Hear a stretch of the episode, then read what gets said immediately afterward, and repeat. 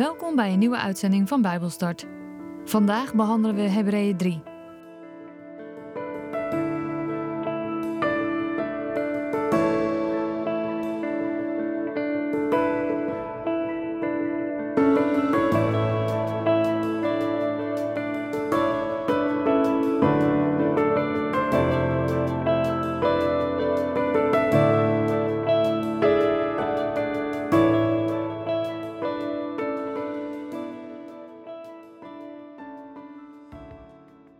Ik lees met jullie uit de basisbijbel Hebreeën 3. Broeders en zusters, God heeft jullie geroepen om bij Hem te horen. Daarom moeten jullie alleen letten op Jezus Christus. Hij is het die ons het goede nieuws gebracht heeft. En Hij is ook de hoge priester van ons geloof. Hij is trouw aan God die Hem die taak gegeven heeft. Net zoals Mozes trouw was aan God in het huis van God. Maar Jezus heeft veel meer eer gekregen dan Mozes. Net zoals iemand die een mooi huis heeft gebouwd, meer wordt geprezen dan het huis. Elk huis wordt door iemand gebouwd, maar degene die dit alles gebouwd heeft, is God. Mozes was een gehoorzaam dienaar in het hele huis van God, de tent van ontmoeting. En wat hij deed, had te maken met dingen die later nog zouden komen. Maar Christus is als zoon meester over zijn eigen huis. Wij zijn dat huis. Maar dan moeten we wel tot het einde toe aan ons geloof vasthouden en blij op de Heer blijven vertrouwen. Daarom waarschuwt de Heilige Geest jullie. Hij zegt: Als jullie mij vandaag horen spreken, wees dan niet koppig en ongehoorzaam, zoals de Israëlieten in de woestijn. Want zij maakten mij daar boos met hun koppigheid en ongehoorzaamheid. Jullie voorouders daagden mij daaruit.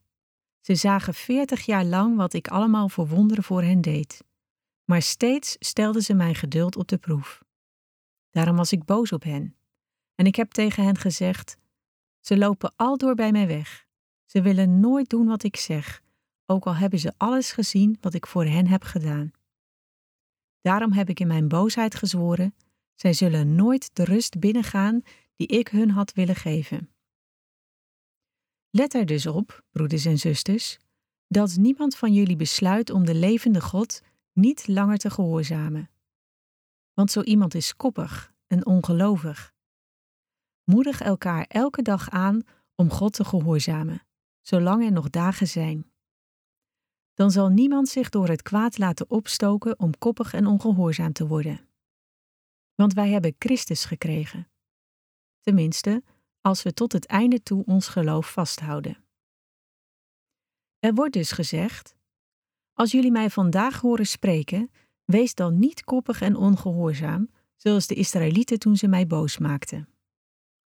Wie waren dan die mensen die God boos maakten toen ze hem hadden horen spreken? Dat waren al die mensen die met Mozes uit Egypte waren vertrokken. En aan wie heeft God zich veertig jaar lang geërgerd? Aan de mensen die God niet hadden willen gehoorzamen. Daardoor stierven ze en lagen hun lijken in de woestijn. En aan wie zwoer God dat zij niet de rust zouden binnengaan die Hij hun had willen geven? Aan de mensen die Hem ongehoorzaam waren geweest. We zien dus dat ze door hun ongeloof Gods rust niet konden binnengaan.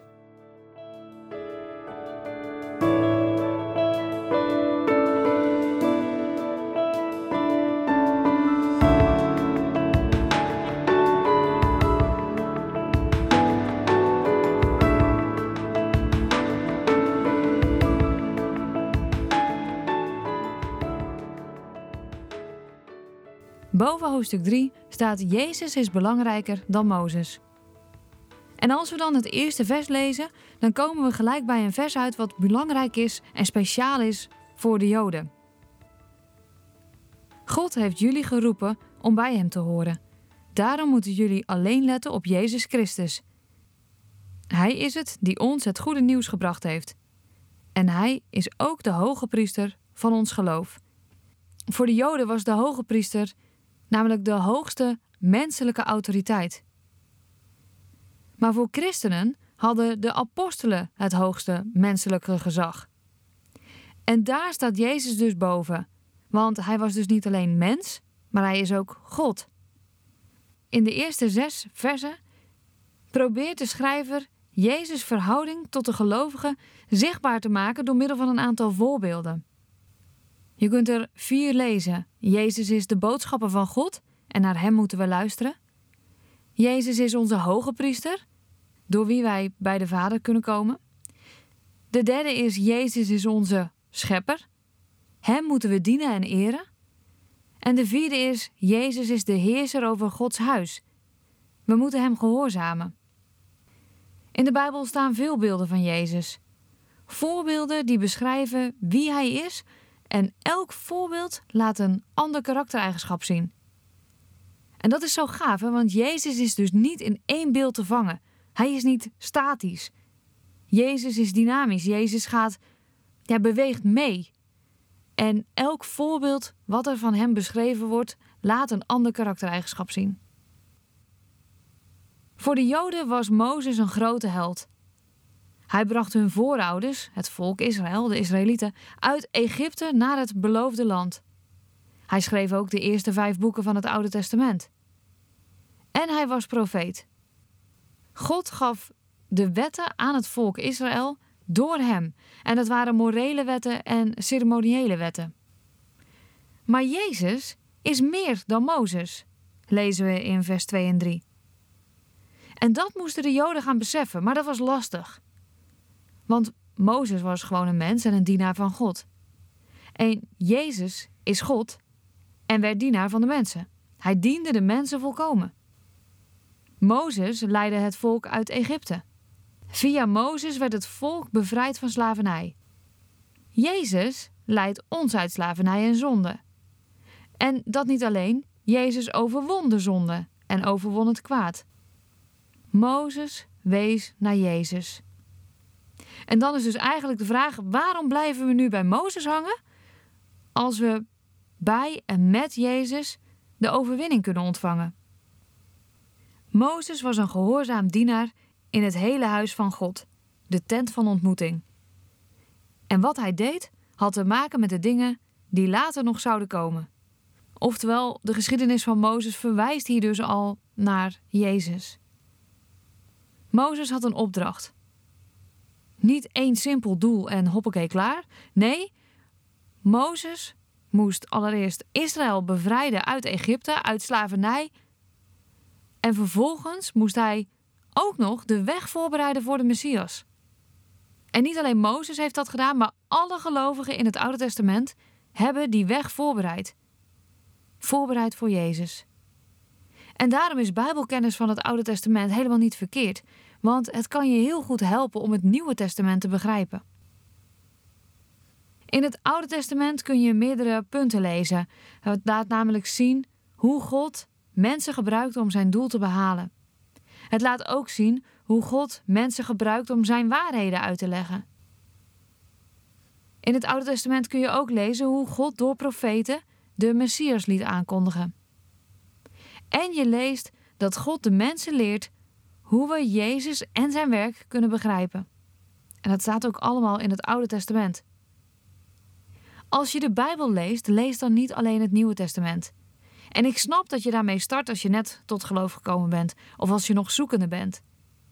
En dat je dan denkt, ja, die God van het Oude Testament, poeh, dat is wel een hele pittig hoor. Dat, uh, nou, dat lijkt wel een tiran. Dat hoor ik ook wel in mijn omgeving wel eens.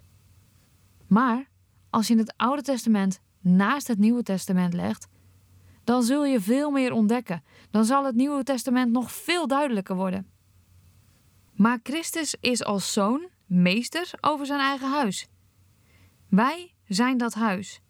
Maar dan moeten we wel tot aan het einde toe ons geloof vasthouden en blij op de Heer blijven vertrouwen. Dat staat in vers 6. Jezus als zoon, meester over zijn eigen huis. Een aantal Bijbelstudies geleden en ook al eerder in Bijbelstart, toen we de doop van Jezus hebben behandeld, toen heb ik dit stukje ook aangehaald. Zeggenschap over het huis. Op het moment dat Jezus gedoopt werd, en de Heilige Geest als een duif op Jezus daalde en er een stem uit de hemel klonk, toen zei God tegen zijn zoon: Jij bent mijn geliefde zoon, ik vind welbehagen in jou. God wordt blij van Jezus.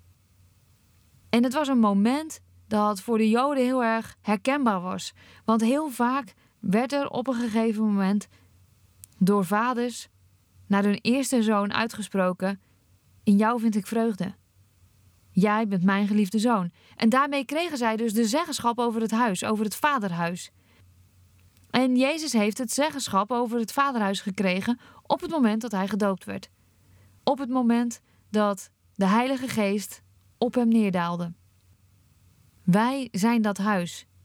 Jezus heeft zeggenschap over ons leven. Maar dan moeten we wel blijven vasthouden en blij op de Heer blijven vertrouwen. Ja, dat is bijzonder, want blij, dat betekent dat je, ja, blij zijn. Dat, dat ben je niet altijd volgens mij. Maar we moeten heel erg duidelijk hebben dat we niet gered zijn door ons eigen doorzettingsvermogen, maar dat doorzettingsvermogen wel een teken is van trouw. Een teken van de trouw van God aan ons. En door die trouw blijven wij op de Heer vertrouwen. Want zonder die trouw zouden we afdwalen. Vanaf vers 7 tot en met vers 15 gaat het over de vergelijking van het volk van Israël in de woestijn. En het gaat over koppig en eigenwijs zijn, over verharden van ons hart. En de Bijbel waarschuwt vaak genoeg dat we ons hart niet moeten verharden. Maar wat betekent dat? Nou, dat betekent dat we tegenover God gaan staan in plaats van naast God. En dat we dus niet langer naar God gaan voor redding. En het begint met weigeren Gods wil te gehoorzamen. De Israëlieten verhardden hun hart toen ze ongehoorzaam waren en toen ze eigenlijk het beloofde land in mochten nemen. Maar juist op dat moment geloofden ze niet en weigerden ze Gods wil te gehoorzamen. En daarom moeten wij waakzaam zijn om niet verhard te raken. We moeten onszelf gewoon niet toestaan om verhard te raken. In vers 11 lezen we dan ook dat God zegt: Zij zullen nooit de rust binnengaan die ik hun had willen geven. Gods rust.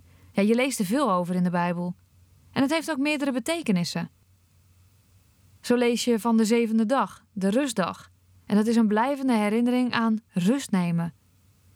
Maar hoe snel vervaagt dat niet? En vooral in onze maatschappij, waar we echt tegenwoordig een 24-7 cultuur hebben. Je kunt altijd overal wel boodschappen doen, of winkelen, of.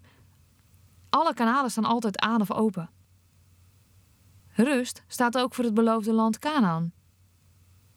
Vrede met God. Rust vind je dankzij onze relatie met Hem. Rust staat ook voor de toekomst, eeuwige rust.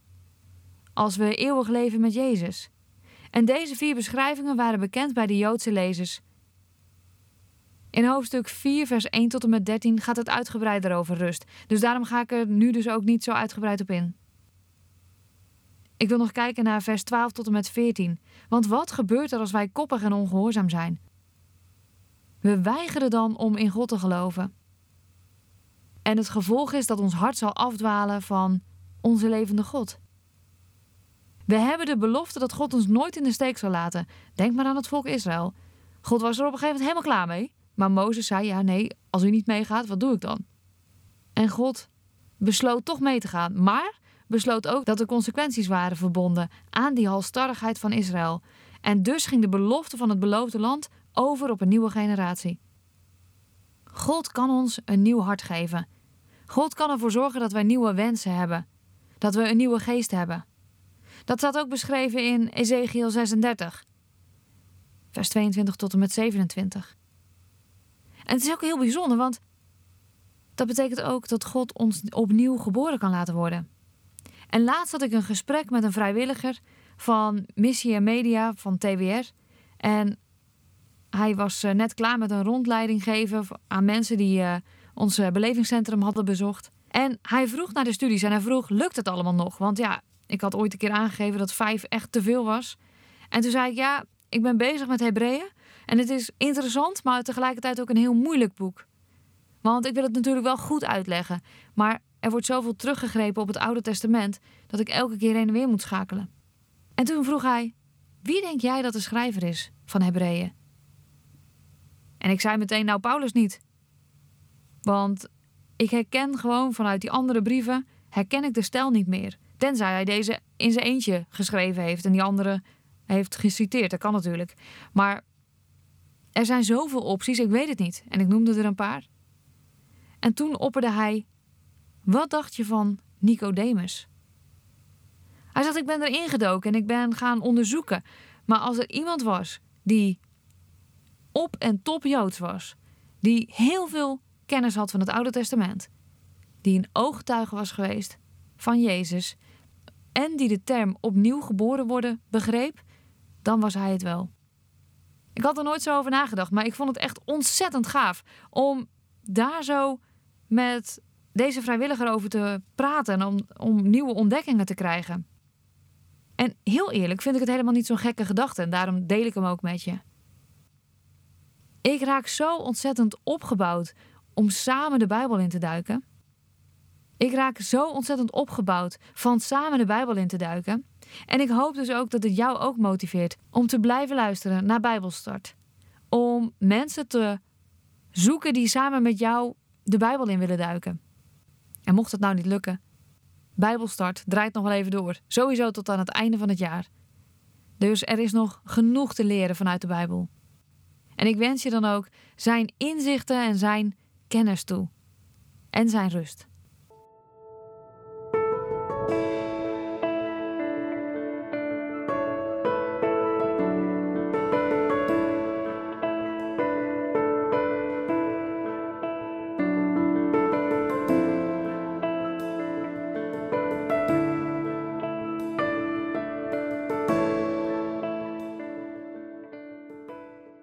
Dit was Bijbelstart, een programma van TWR.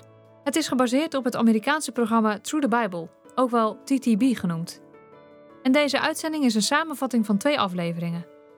Wil je meer weten? Ga dan naar ttb.org of ga naar twr.nl/bijbelstart.